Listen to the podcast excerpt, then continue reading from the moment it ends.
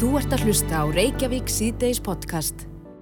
Reykjavík síðdeis, það fer svona um marga núna mm -hmm. eftir að síðustu tölur hafa byrst uh, af þeim sem að hafa greinst smitaðir af COVID uh, síðastlinu sólalhinga. Já, við erum orðin eiginlega bara vöndi að, að, að það er upplýsingafundur almanna varna í tengslu við kórnuveruna alltaf á 50. Mm -hmm.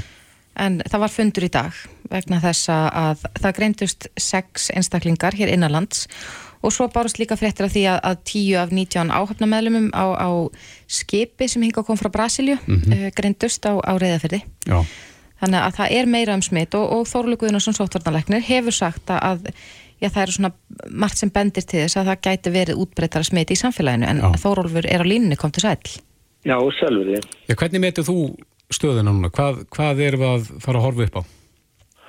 Jú, ég, ég meta bara þannig eins og kannski þetta orðað er ágætlega að, að hérna, sérstaklega þessi smitt sem við vorum að sjá núna um helgina, við sáum hérna einn ein sex innanlands smitt og sérstaklega í gæði voru fimm sem að greindust og þar voru, þar voru þrýr e, utan sóttkvíjar sem við sem ekki dag og ekki hægt að reykja almenlega og það, maður hefur áhyggjur af því að það geti þýtt að það sé kannski útbreytara smitt einhver staðar sem við höfum ekki fundið og og, og það gæti þá orðið efni í, í, í svona uh, útbreyttari faraldur.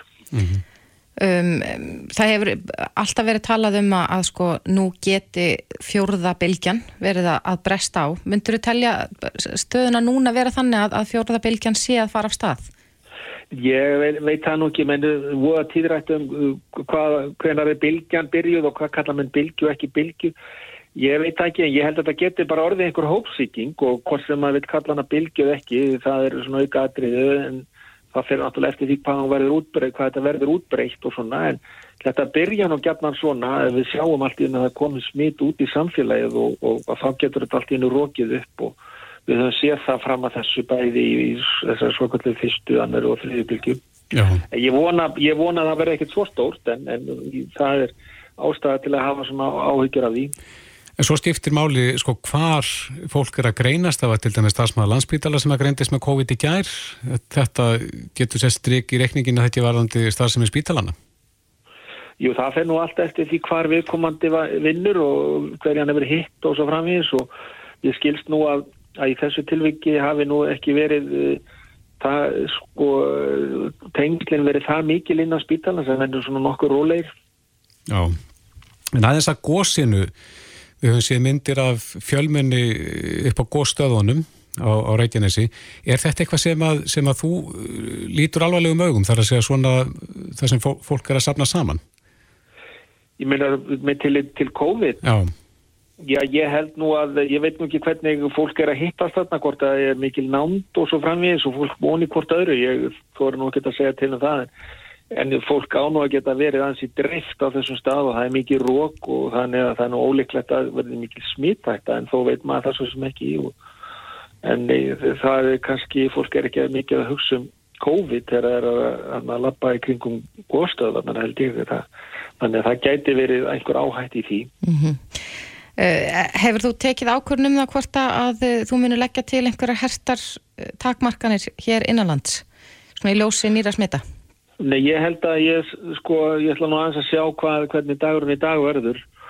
Og, og hérna, en, en ég held að maður þurfi ekki og vil ekki býða mjög lengi ef það er greinlegt að það er, verið komið útbreytt, útbreytt smít að þá held ég að maður þurfi ekki að býða mjög lengi. Við höfum séð það hvernig við reynsluna því að, að það er best að eiga við þetta ef það er orðin útbreytsla einhver að eiga við hana sem fyrst það er auðveldar að ná tökum á henni þannig heldur en að býða á lengi. Já, ef að þér sínist að þessi veira sé að ná ykkur útbreyslu hér í samfélaginu, hvaða aðgerðir eru þá býða handað með hodnið? Já, við, við bara höfum reynsluna, ég ætla náttúrulega að fara að telja upp hér einhverja einstakar þætti en við höfum reynsluna af aðgerðum áður og vitum hvað virkar vel og svo framins og við getum bara, ég bara dreyja það út úr skúfunni. En, en þú hefur samt sem áður lagt til breyttar áherslur á landamærunum ekki sett við helbreyðsráðuna? Jú, það er náttúrulega, við erum búin að vera benda á það núna undanfærið að það er, eh, hefur verið svona vöxtur í smítum á landamærunum og, og, hérna, og það hefur verið svona breyst aðeins minnstrið að flestir að greinast í setniskímun á landamærunum og, og, það kannski gefur fólki falska svona öryggistilfinningum að það sé ekki smita og það sé þannig ekki að gæta að sér í, í sótkví og þannig höfum við fengið smit inn í samfélagið. Mm -hmm. og, og þannig að við erum bara alltaf að reyna að finna hvernig getum við gert þetta betra á þess að, á þess að verði meira íþingjandi fyrir þá sem að í þessu. Og það er ímislegt sem við getum gert og það er það sem ég er að skoða eins betur. En uh, á fundurum í dag, upplýsingafundurum, þá var mikil áhersla lögða það hjá bæði þér og, og landlækni að hvetja fólk sem finnur fyrir enginum að fara í skimun. Er það ykkar tilfinning að fólk sé já, með hvef enginni og svona kannski ekki að taka því nógu alvarlega? Já, við erum alltaf að sjá það af og til að fólk er að ganga með enginni nokkra daga og verða fyrir, fyrir skimun og þá er það kannski búið að útsetja mjög marga og, og, og það er fljótt að koma, sko. Mm -hmm. Þannig að ef, ef maður er búin að kannski umgangast bara mörg hundruð manns á stöttun tíma. Þannig að við verðum eiginlega að hamra þessu og, og, og byðla til fólks og hvetja fólk um að, að það finnur bara til einhver einnkjörna. Þetta er svo auðvelt að fara í sínatökum og halda sér til hljásangum og fara við niðurstöðuna að, að gera það því að annars getur þetta að við gríðalegt að umfangi sem að, sem að þarf að eiga við ef að fólk býður í marga daga. Já, er ykkur hægt af því Þorúlur að þessi veira sem er um borð í þessu súrálskipi sem kom frá Brasilíu, að, að hún sleppi inn í landið?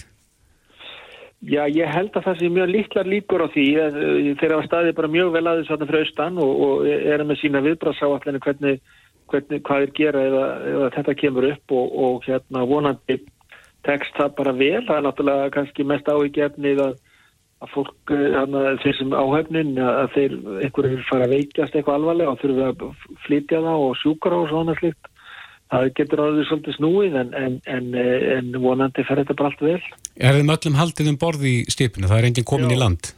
Þeir eru allir held ég eftir, eftir sem ég veit best þá eru allir sko í einangrun og sótkvíð um borð Já, akkurat Þórólfur Gunnarsson, sóttarnalagnir kæra þakki fyrir þetta Já, sumleið, takk Þú ert að hlusta á Reykjavík C-Days podcast. Reykjavík C-Days, það má segja að óvæntustu fréttir fyrstudagsins hafi verið gós. Já, svo sannarlega. Það var eiginlega búið að blása þetta á borðinu svona um kvöldmættaliti en... Já, þegar ég fór að sofa klukkan halv nýju á fyrstaskvöldi, sem mm -hmm. ég mhm. ger nú ekki oft, ég bara eiginlega, mér leið þegar ég vaknaði á lögatinni, svo ég bara sofið af mér eldgós. Já. Út af því að ég, ég bara misti af þessu öllu. En þetta er nú svo sem enn þá í gangi. En það hefur líka sko hafa byrst myndir og myndbönd af fólki í alls konar aðastæðum. Mm -hmm. Sveimir að stekja sér beikon á, á hérna rauninu og, og stundum hefur muna litlu að spýjur hafi spýst á, á fólk og svona fréttir af þreytum blöytum ferðalöngum. Já, það eru frettir af því að fólk hafi sömur hverjir hennilega örmagnast og mm -hmm. bara lagst í jörðina, geta ekki gengi lengra en, en þetta er nokkuð löng ganga þarna frá bílastæðum og, og til þess að geta já, fylst með eh, náttúrunni. Já, en það vil líka verið ákall til almannavarna að, og björgunarsveita að eh, hleypa fólki nær til að stitta þessa göngu og það var nú viðtalið í morgun við Tómas Guðbjörnsson, lækni mm -hmm sem að fullirt að það verður að stitta göngunum svona kannski þrjá, fjóra, allt yfir fimm tíma ef það er að stifta.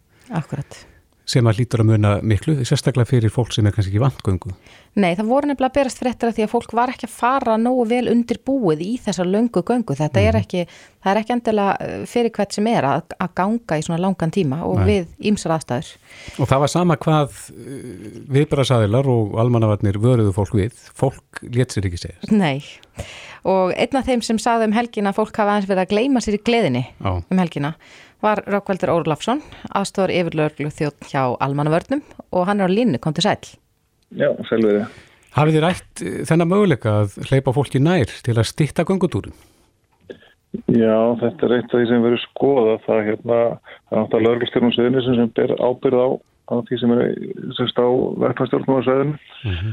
en, en það sem hefur verið svona flækjast fyrir er að það er lókun á söðustrandaveginu sem að tengist er ekki þessu beint heldur það er bara skemmt í veginum hann hefur síga niður eftir stóran jáskjöldan dag oh. og það er það sem hefur svolítið verið að tröfla þetta það er ekki hægt að komast um það nær en, en það er núna verið að skoða flut af því að, að opna þarna hluta til eða setja einstefnu á þennan hlut af sögustræðaveginum svo séum við takt að, að leggja þetta nær. það var einhver, einhverjar hugmyndir, ég þekki nú ekki svæði alveg nóg vel en, en það er verið að tala um sko nátthaga þess að þetta hleypa fólki þangað og þá getur gangan verið bara eh, einhverju tveir kílometra í staðin fyrir sko þá 17 sem fólk er að ganga núna. Já, það passast, það er svæðið sem er að vera að skoða núna uh, hvernig er þetta koma bílinn þar að og hvort það sé einhverstað að leggja bílum að það snýst líka um það, er ekki bara bílastaf vandamáli eða áskoðan í miðbæð Reykjavík þetta er líka uh, þarna og, og, og það er svona það er að reyna að útfæra það einhvern veginn þannig að sé eitthvað viti En uh, var og sömur hafa kannski og hafa haldið fram að að menn hafi viljað hafa göngunum svona langa til þess að letja fólk frá því að fara upp yfir Það heldur sem ekki til því. Þetta er bara einfallega staðhættir sem að valda þess. Það er að segja að þessu lókun var í gangi og, og þetta er svo leið sem að hérna, heimamenn uh, fundi það er að segja að, að benda fólki að leggja hann í Grindavík og við Bláðalóni mm -hmm. en á sama tíma náttúrulega benda á að þessi ganga náttúrulega sé árun hvort, hvort sem þessi stöpur bætist eða ekki en, en En, en þetta er allavega eitthvað sem er að skoða og, og, og það er reyna að, að finna bílastæðir sem verður nær. Hefur eitthvað komið þér óvart núna um helgina þar að segja varandi fjöldan og, og hvernig fólk hefur svona látið í kringum gósið? Já og nei, þetta er, ég er að fá svolítið svona, hérna, svona fimmurhálsar DSU. Já. Hérna, þetta er bara, þess, ég finnst svolítið verið að upplifa það aftur að það sem vorum að benda fólki á að þetta væri náttúrulega svolítið ferðarlega eins og þeir sem voru að ganga að nefnir og þarna var alltaf að vera von og þessu þar og samt voru við að aðstafa fólk aðna reglulega sem var orðinnt örmagna eða kallt eða, eða hérna mislags aðstafar eitthvað og, og núna er bara komin eftir svona verkefni. Mm -hmm. en, en hefur samt sem áður gengið nokkuð vel um helgina að, að svona stýra Eh, umferðinni þarna og, og, og hjálpa þeim sem hafa lent í vanda?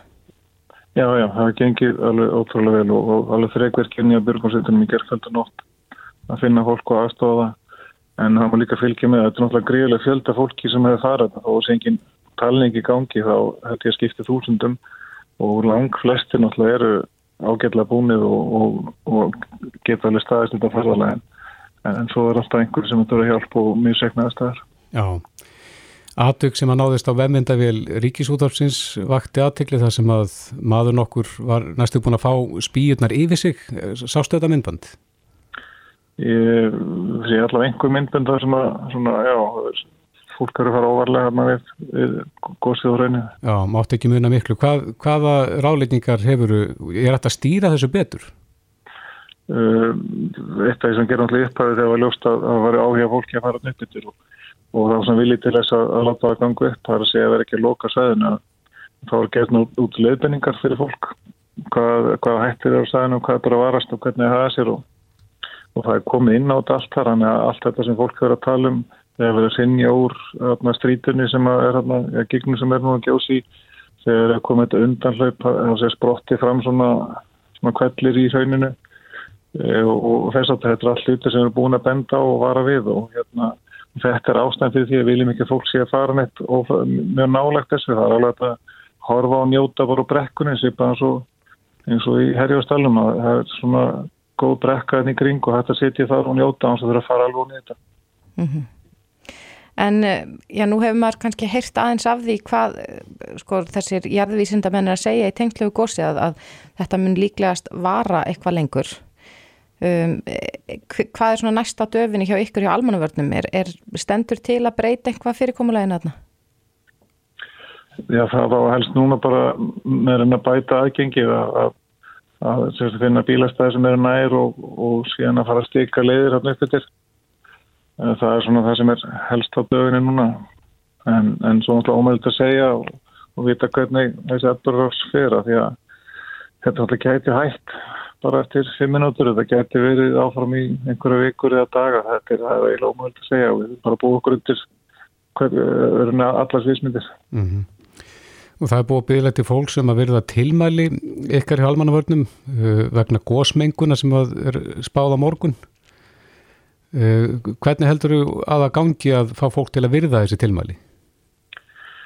Eh, það verður að koma í ljós. Við náttúrulega verðum við þessu veri í gær sem að veistist koma einhverjum hópi af fólks á óverum Já, þá misreiknaði eigin getu og við ætlum bara að vona að það gangi það betur á morguna því að, að það er alveg saman hversu vel út útbúin eða, eða hvað gott fól og hefur að, að gasi það hérna e, það er ekki þetta að vinna búa sig undir þann neitt nema að vera með, með tæki og, og, og, og einhverja mæla þannig að hluti á þessi gasi er, er þannig að bara reyður í burtu andurslóftinu og þá getur ekki andan einu við orðt óhaldinu og orðt ekki hérna á hvað sem villum stað og villum tíma Er þetta líktalust, þetta gas? Sumt að já. Já, þannig að það getur lengt á sér. Það getur það og þú sér þetta ekki, þetta er ósynlegt. Já. En þið eru þá að skoða leiði til þess að, að stitta göngutúrin hjá fólki? Já, það er verið að gera það. Með í samráðið lögurstjórn á söðunisum og björgunsveitunar á sæðinu að reyna að gera það með einhver á. Já, hvenar áttu vona því raukvaldur að, að fólk geti þá farið þessa stittirleið? Það ætti að skýrast í kvöld eða fyrramáli hvernig það gengur en, en, en það verður alltaf vinnandi líki saman við, við vegagerna sem alltaf er eigandi vegarins og vegaldari en, en sí, við erum svona að reyna að finna, finna flöta á þessu. Já, við hvetjum fólk til þess að fylgjast vel með. En Rökkvaldur Ólafsson aðstóður yfir lörglu þjótt hjá Almannavörnum. Kæra þakki fyrir þetta. Takk fyrir. Hlustaðu hvena sem er á Reykjavík C-Days podcast. Reykjavík C-Days heldur áfram það, það eru margir Íslandingar búin að vera nexlaður á öðrum Íslandingum og fólki ja, um helgina. Mm -hmm. Maður hefur heyrsta af hinum og þessum sem að ákvaða að fara í göngu að eh, góðsvæðinu og fólk er misvel útbúið. Mm -hmm. Maður hefur heyrsta af fólki sem er bara í gallabúsum og stregaskóm en eh, það er kannski ekki heppilegast í búnaðurinn til þess að fara í langa göngu í íslenskri veðráttu. Einmitt.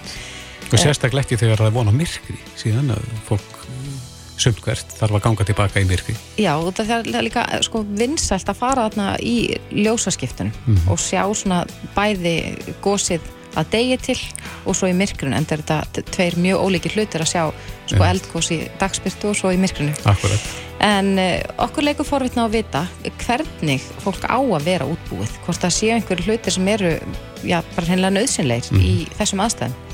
Á línun er Jónas Guðmundsson hjá Sliðsavarnafélaginu Landsbjörg. Kom til sæl. Já, komið sæl. Já, erst þú ekki með eitthvað svona voðalega góðan lista fyrir okkur þar sem við getum bara farið yfir hvað fólk þarf að hafa? Jú, raunverulega er þetta bara gunguferð, sko, já, fjallaferð í myrkri. Að, að, eins og þú sagði sjálf að það er langt skemmtilegast að vera þarna í myrkri. Þannig að ég held að fyrsta skrefið eru þetta bara að kanna nýjast upplýsingar hjá almannavörnum, þú veist, er nokkur gashætta, er einhver annur hætta, hvert má fara? Og nú ætlum við að vera að tekna upp gönguleið til þess að auðvelda fólki og stika gönguleið til þess að auðvelda fólki. Og eh, stendur til að, að opna Suðurstrandaveginu hluta til, þannig að fólk komist nær, mm -hmm. þannig að það er svona verið að stíga skref til þess að, að hjálpa fólki að sjá þennan skemmtilega hluta og öruganhátt. Þið fyrir ekki þessi gönguleg Jóna sem er verið að uh, útbúa núna, Hva, hvað tekur hún langan tíma? Já sko hún er, aðra leiðin er hún kannski svona fjórir kílometrar, þannig að það er svona klukkutími einn og hálfur eftir hvað lappar hægt eða hratt mm -hmm. og aðeins hægar eh, á leiðinni tilbaki í myrkrinu. Er þetta önnur leið en, en, en fólk hefur verið að fara um helgjum og maður hefur heilt sko að fólk sé að ganga alveg hátt í 20 kílometra? Já, það, ég áttum ekki alveg hvað leið það er satt best að segja, en ég er að liggja yfir þessum helgina og skoða leiðir á vikilokk og strafa, fólk er að deilast út um allt og það er alls konar e, leiðir sem fólk er að fara og svumar kannski minna örugar en aðrar og þess vegna okkur að þetta er aðgerastjórnin hann að söðfrá stíði skref sem er bara mjög til heilla. Mm -hmm. Verður það þá stíku þannig að það fyrir ekkert að milli mála hvaða leið fólk á að fara?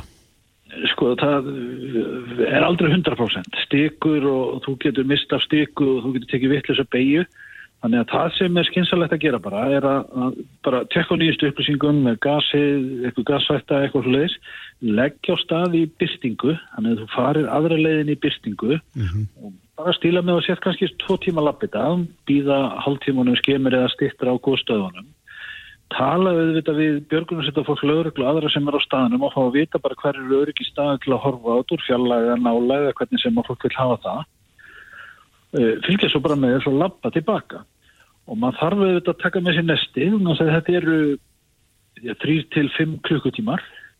Maður þarf að vera með fötinn með sér, instalagið eitthvað yllalagið, eitthvað einu á grunn og, og jafnvel reggalagið eitthvað þessar ef það kemur eitthvað slitið og svo þarf maður auðvitað að vera með góð ljós og ef maður ágipjastæki eða eitthvað svolítið svo kann á það að vera þá með það líka vegna að við sáum það bara í nótt að fólk sem var bara ágætlega undirbúið, vel klætt miðjum aldrei bara með reynslu í farteskinu það var bara villast mm -hmm. þetta, er, þetta er pínu erfitt landslag sérstaklega þarna setni hlutin Einhverjir hafa sérst þarna með gasgrímur og, og það hefur verið rætt um uh, einhvers konar mæla, gasmæla uh, mæluru með því fyrir almenning? Ég held að sé bara óraun eftir að ætlas til þess ég held að sé mun skinsamar að skoða bara vel hvað eru nýjustu uh, leifinninga frá almanuvörnum fara eftir þeim og nýta sér eh, viðbrasaðil á staðnum sem að verða þarna áfram að mistuðasti fyrstum sín og líklega bara meðan að gósið er í gangi. Mm -hmm. Annað Jóna sem að hefur komið til tals um helgina, það eru ramvakslösir símar. Þarf ekki Já. að passa það að vera með fulla hlæðslu á þannig að maður leggur á stað? Auðvitað þarf að passa það. Að, hérna, maður mað bara gefið sér það að fólk væri með fulla hlæðslu þegar það færi með Instagram í símónum á góðstöður. Akkurat, já, maður hefur nú aldrei séð mikið af myndskeiðum og myndum af, af góðsvæðinu núnum helgina. Já, já, og maður skilur það, þetta er bara skemmtilegt sjónaspil og, og, og fólk vil sjá þetta og við verðum bara að vinna með því að útbúa eins og öðrugt umhverfu hægt er, en, en fólk þarf þá líka að fylgja leifinningum og fara eftir þeim fyrirmælum sem eru kynnt. Mm -hmm. Þú ert í þessum tölu orðum ekki satt að teikna upp þá gönguleið sem að verður síðan stikuð? Já, var að því bara þegar þið syngduð, og það er byrjað að stikana þannig að, að það er bara verið að vinna í þessu. Þau eru bara að taka góð skref þarna suð frá Það við rættum hér áðan við Rökkvald Ólásson, eh, aðstofar yfirlaurglu þjón Almannavarna. Eh, hann talaði um að það væri nú eitthvað til skoðunar sko að, að stitta leiðina fyrir gangufólk enn frekar og mögulega svo hægt var að ganga frá náttaga einhverja tvo kílometra uh, áleiðis að góðsveðinu. Hefur, hefur þú verið inn í þeim umræðum? Ég held að sé alls konar pælingar í gangi sko og, og hann er manna bestur í að lýsa þeim sko þannig að ég held að menn séu bara allir að vilja gerði til þess að reyna eins örugt og auðvelt og hægt er og, og vonandi verða fleiri skrif stíðin þar á næstu dögum. Mm. Hvena verður þetta tilbúið svona ykkar vinna að tekna leiðina og, og stíkana? Það er verið að stíkana núna þannig að ég held að það verður náttúrulega tilbúið fyrir kvöldið. Ekki það að aðstæður séu neitt spennandi ég var náðan áðan og maður ma sér nú ekki neitt með þessi byrtu slitta á leiðindi hann og rók þannig að ég held að, að ef aðstæður verða morgun að þá, þá uh, verður auðveldar að fara þarna heldur en í gerð Akkurat, en ef við tökum þetta aðeins saman þá þarf maður fyrst að kanna aðstæður áður maður fyrir að stað Akkurat. vera vel útbúin og vel klættur með fullaðin síma og nesti.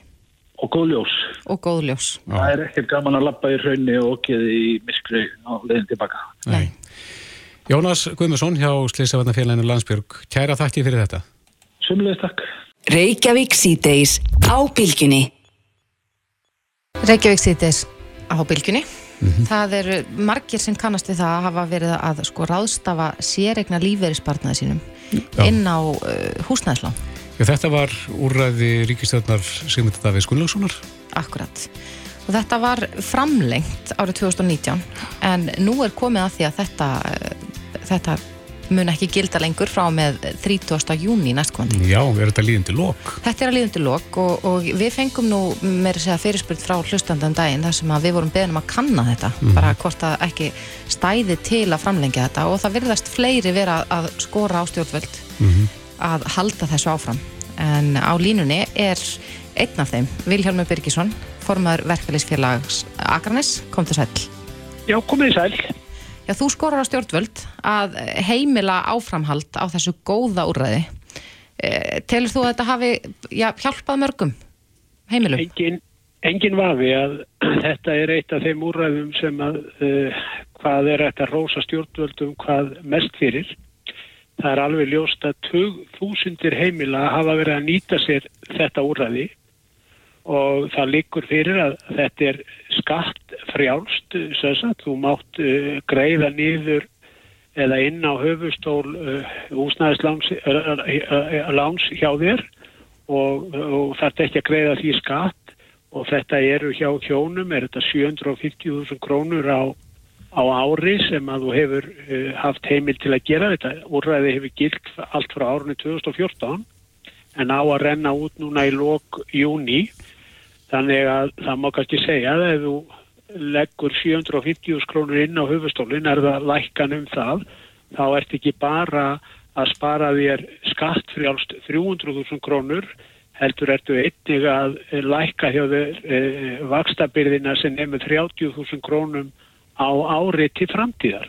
Þannig að þetta, þetta úrræði er mjög gott og ég tala nú ekki um í því vaksta umhverfi sem að við búum nú við þar sem að stór hluti eða, eða fjölmarkir hafa náðað losna úr viðjum og hlekkjum verðbyggingar og náða endur fjármagnar sig yfir á óverðtriða vexti þannig að núna er fólk að sjá höfustól lána sinna lækka. Mm -hmm. Það er eitthvað sem að við Íslitingar í raun og veru höfum ekki bara, þeirra forréttinda höfum við ekki notið eins og aðra þjóðir þannig að þetta úrraði þarf að halda áfram og þess vegna skrifaði ég þennan pistil 19. mars um áskorun til stjórnvalda um að heimila þetta ákvaði áfram. Mm, en uh, hvað mælir gegn þessu? Ég veit ekki svo sem hvaða, hvað mæli gegn þessu, annað heldur það að, að, að ríki og sveitafélug eru náttúrulega að gefa eftir eh, sagt, skattstopp hjá sér því að eh, þegar þú kemst að, og byrjar að mega taka út þinn sérreiknarsparnað sem að er í öllu jöfnu þegar þú verður 60 eða 60 að þá máttu taka hann út en þá borgaru fullan skatt af honum.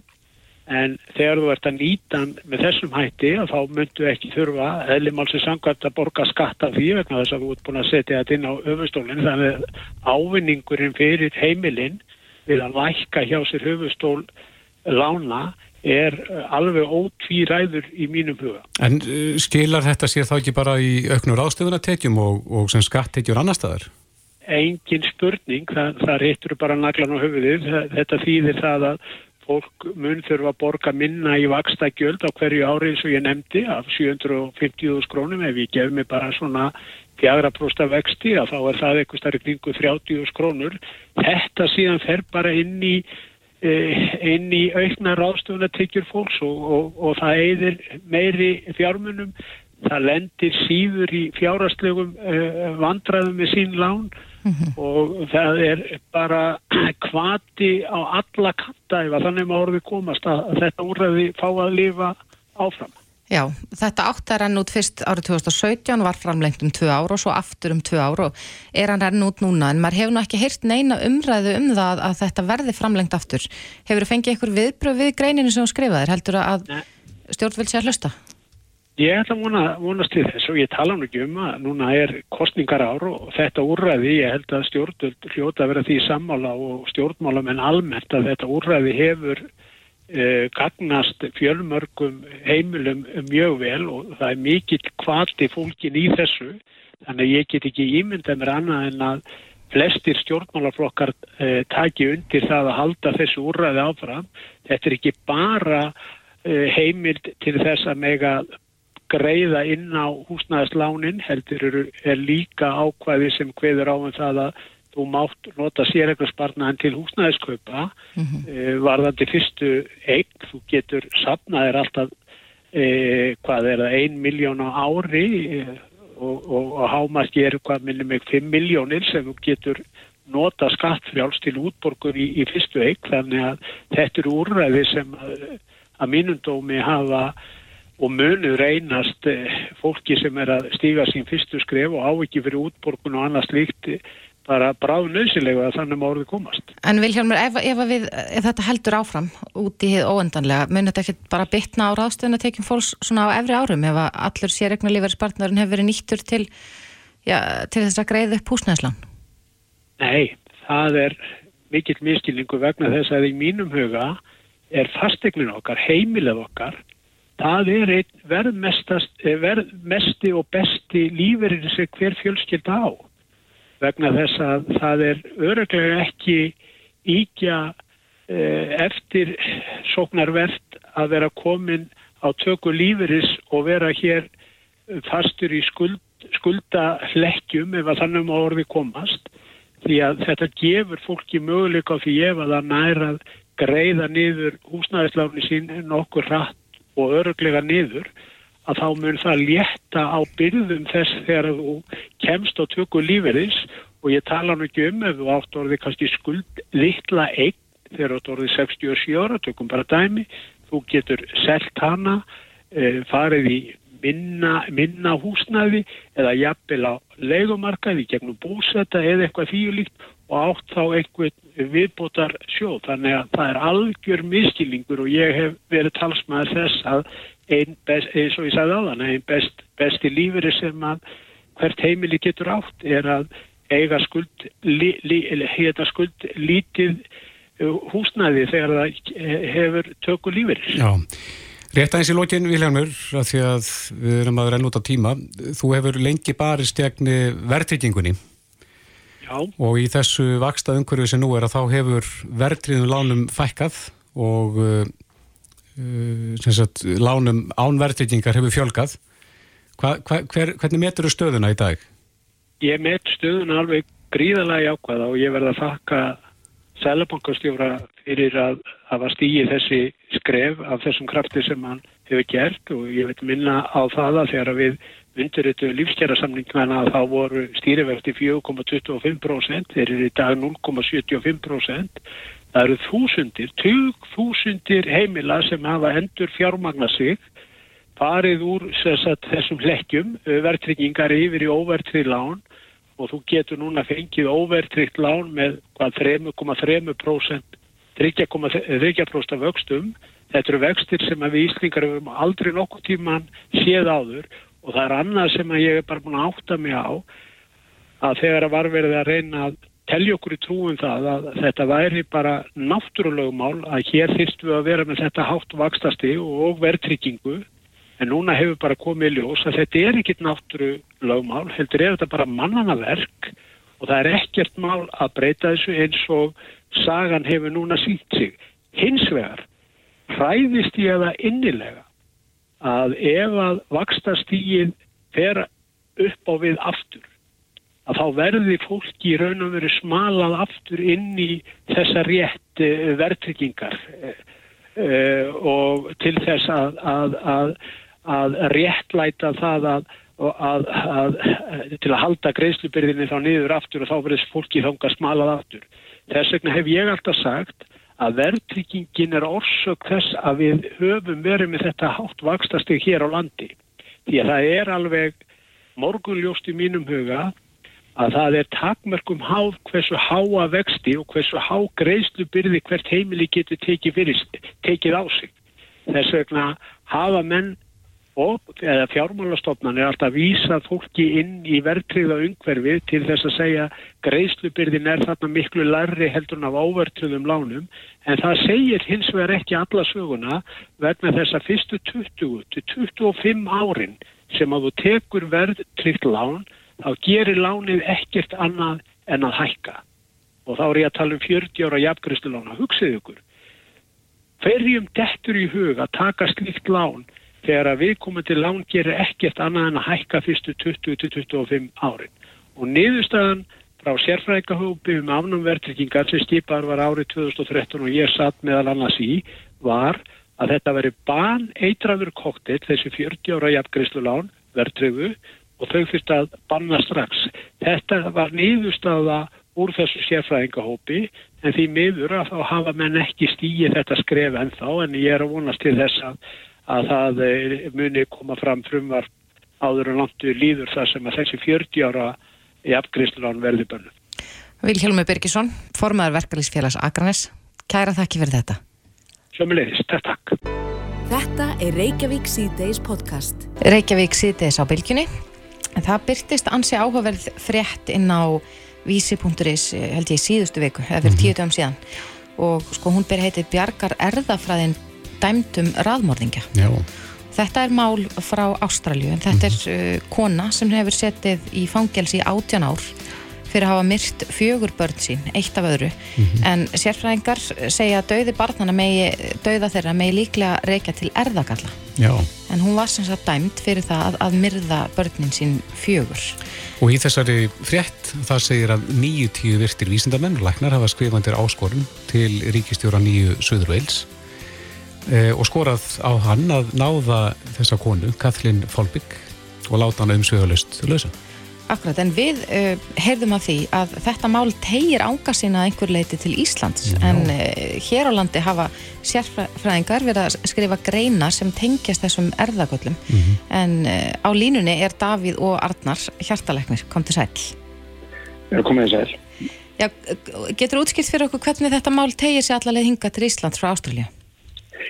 Já, þetta er alveg óbúslega áhugavert mál og, og hefur vakið heims aðbyggli og um, á sínu tíma þótti það vera svo að það var ekkert rosalega vel staðið að e, sakfællingunni og, og, og miklu leiti var byggt þá á, á líkum e, meðal annars því að það fundist ekki aðrar haldbæra skýringar og, og síðan var vitna til dagbókafæslan frá Kathleen Folbygg þar sem að hún lísti við mikillir sextakent og efaðst um sína hefni sem móðir mm -hmm.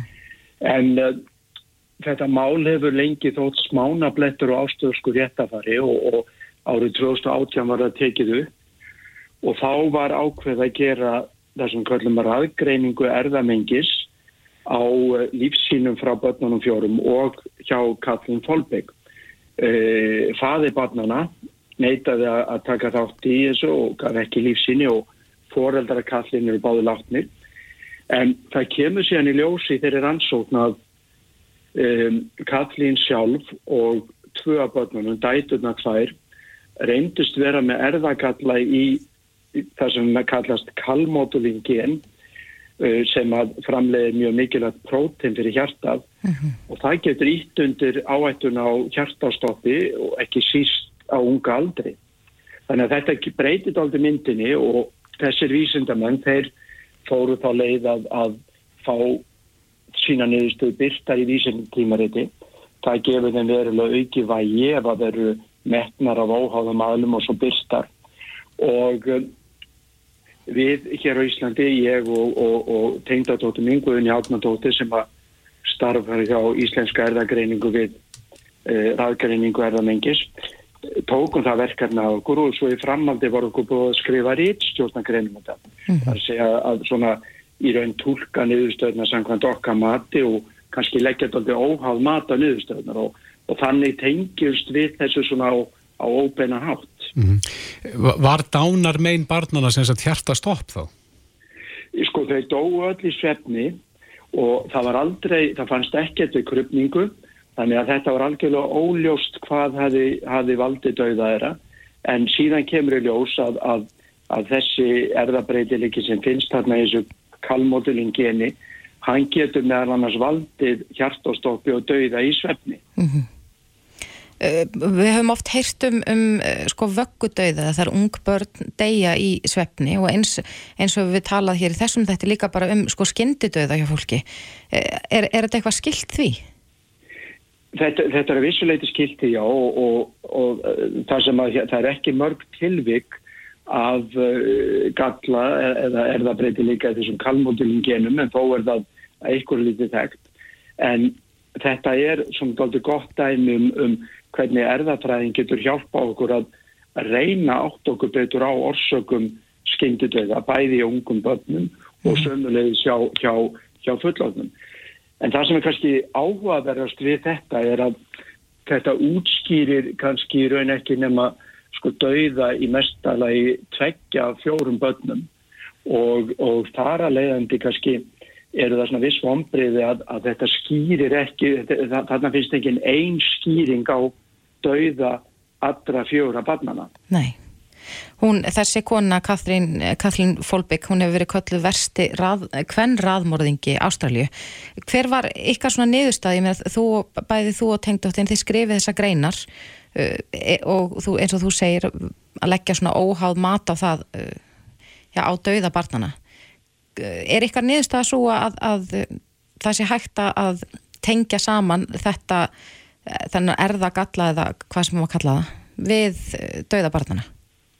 Ég held að sé að tengja, hann mögulega tengja hann við dauða uh, dætarinn að tvekja svo voru með hann kalla mm -hmm. en, en það, það, svona, það flækir máli pínlitið að, að, að þetta útskýrið ekki að fullu hjá hinnum auðvitað og um, en það er enn áhugaverður vinkill á, á, á dauða drengjana að, að þeir voru með sökkbreytingu eða erðabbreytileika í geni sem hefur tengst uh, hérna hættulegri og, og bannvætni flóveiki á músum en ekki mönnum. Og annar þeirra hafði reynda greinst með flóveiki þannig að þetta er hansi flóki mál. Og uh, hvort það er að síknana eða ekki eru auðvitað mjög erfið spurning. En á þessu er kannski það sem við getum kallað humanistisku vinkil það er náttúrulega alveg sko svakalegt fyrir foreldri að missa fjögur börn á unga aldri og maður getur veldið fyrir sér hvort að það eitt og sér sérheinleiki næg refsing hvort sem að þarna var eitthvað sagnænt eða eitthvað sem ættir að útskýra af erðabreitileikum. Þannig að mögulega mætti segja að það sé nóg komið og, og, og, og það var sko mannulegt að síkna konuna eftir það sem undan er gengið og að undan gegnum því að hún hefur setið átjána í fangilsi. Mm -hmm. En Davíð, þetta eru svona merkar rannsóknir, þessa erðafræði rannsóknir. Heldur þú að þetta geti hjálpað, já, jáfnveil fleirum sem að, þú verum að tala hérna um sakamál, heldur þetta muni koma til með að vera notað í sakamálum uh, í framtíðinni? Já, þetta er, það, er þegar það er að nota þetta tölvöld mikið í sakamálum og, og líka í klíniska læknisvæði og, og við erum farin í samstarf í Íslenska erðagreiningu að, að beita raðgreiningu í ákunnu tilvíkum þar sem að ungt fólk fyrir hjartastopp, hvort sem það deyr eða lifir af. Og þetta hérna gefur okkur oft sjúkdólsgreininguna og það er ekki bara þá að það að við getum komið staði hvað orsakaði hjartastoppið eða, skemmtu döða heldur hjálpar þetta okkur líka að meta hvort einhverju nánir ættingjar séu með sama erðabreitileika vegna þess að þegar að verður hjartastopp hjá ungum einstaklingi þá vekur það oft gríðalana óhug ekki bara þessi sorg sem því fylgir að missa einhvern í blóma lífsins heldur er það líka oft þannig að þeir sem eftir lifa þeir svona kannski burðast með ákveðin eða um hvort að sömu örlög kunni að, að býða þeirra. Og með því að skoða þetta á þennan á þá getur við fundið þá sem eru með erðabreitileikas sem að tengist þessum haft þá í, í, í mjög þjettu og tíðu eftirdu í að setja á meðferð en um leið kannski fría þá sem er ekki með erðabreitileika frá því að hafa nokkur einust áökjur. Mm -hmm. Rétt aðeins í lokin, Davíð, hvernig stóð á því að þú og tengdadóttiðin fenguð þetta verkefni? Já, ég, svo sem veit það ekki alveg, en, en ég talsast unnið að hérna e, rannsóttum á erðafræði, erðafræði hjartasútuma með íslenska erðagreiningu, þannig að, að, að það er margir e, sem að tekja mitt nafn og, og, og hafa semlega talið að ég var til til og óháður, mm -hmm. verandi svona rosalega langt frástalið. Já. Já, þetta er mjög áhugavert mál. Davíð og Arnar, hjartalæknir, kærar þakki fyrir þetta. Já, takk sem leiðis. Reykjavík síðdeis á Bilginni podcast. Já, Reykjavík síðdeis. Í dag er alþjóri dagur vassins. Akkurat. Ég held að þessi fátt sem að Íslendingurins stoltir af eins og íslenska vatnið. Nei, ég held það sjálfur rétt hér. En ég held líka að maður sko gleymiði oft hversu gott við höfum það. Já. Að hafa aðgengi að svona hreinu og góðu vatni og geta bara látið já, glasið beint undir kranan og, og fengið okkur vasklas. Já, einmitt. Þannig að þetta eru fórréttindi svo sannarlega. En uh, á línunni er Ardi Sós skólastóttir Arnalds. Hún er fórstöðum að það var svo frávitu hjá veitum og uh, heldur vantilega þennan dag hátilega, hann kom til sæl. Já, komið sæl. Jú, ég er hérna sögna með vasklasi. Ja, með vasklasi. Skála í vatni. Já. Eh, tekur undir það, er við forréttinda fólk að, að hafa Já. svona mikið og, góðan aðganga vatni? Já, ég myndi segja það. Sko þessi dagur var auðvitaflega settar löginn til þess að fólk áttið sem þetta á því mikilvægi vassins og það eru sko, ég held að það er umlað 2 miljardar manna sem hafa ekki aðgang á öðru vatni mm. í heiminu. Já. En hvað gerum við hér á landi til þess að tryggja það að, að við séum nú að fá þetta e, gæða vatn beint í glösun okkar? Einmitt, já, við náttúrulega bara þarna spila vassendarsvæðin rosalega mikið. Við erum með vassendarsvæðin sem eru kringum vassbólinn þar sem við tökum vatnið okkur og það er rosalega mikilvægt að við við pössum þessi vassvenda sæði vel að við séum ekki að aka aukutækjum svo að kom ekki oljumingun eða þess aftur og bara svona sínið þeim virðingum mm. og við gerum það að þá er vassvindasæðin okkar og vassbólun að fara að nýtast í mjög langa framtíð fyrir börnin okkar og barnabörnin okkar og, og, og bara mestu kynslu. Er vassbólin misjöfn eftir því hvar á landinu þau eru?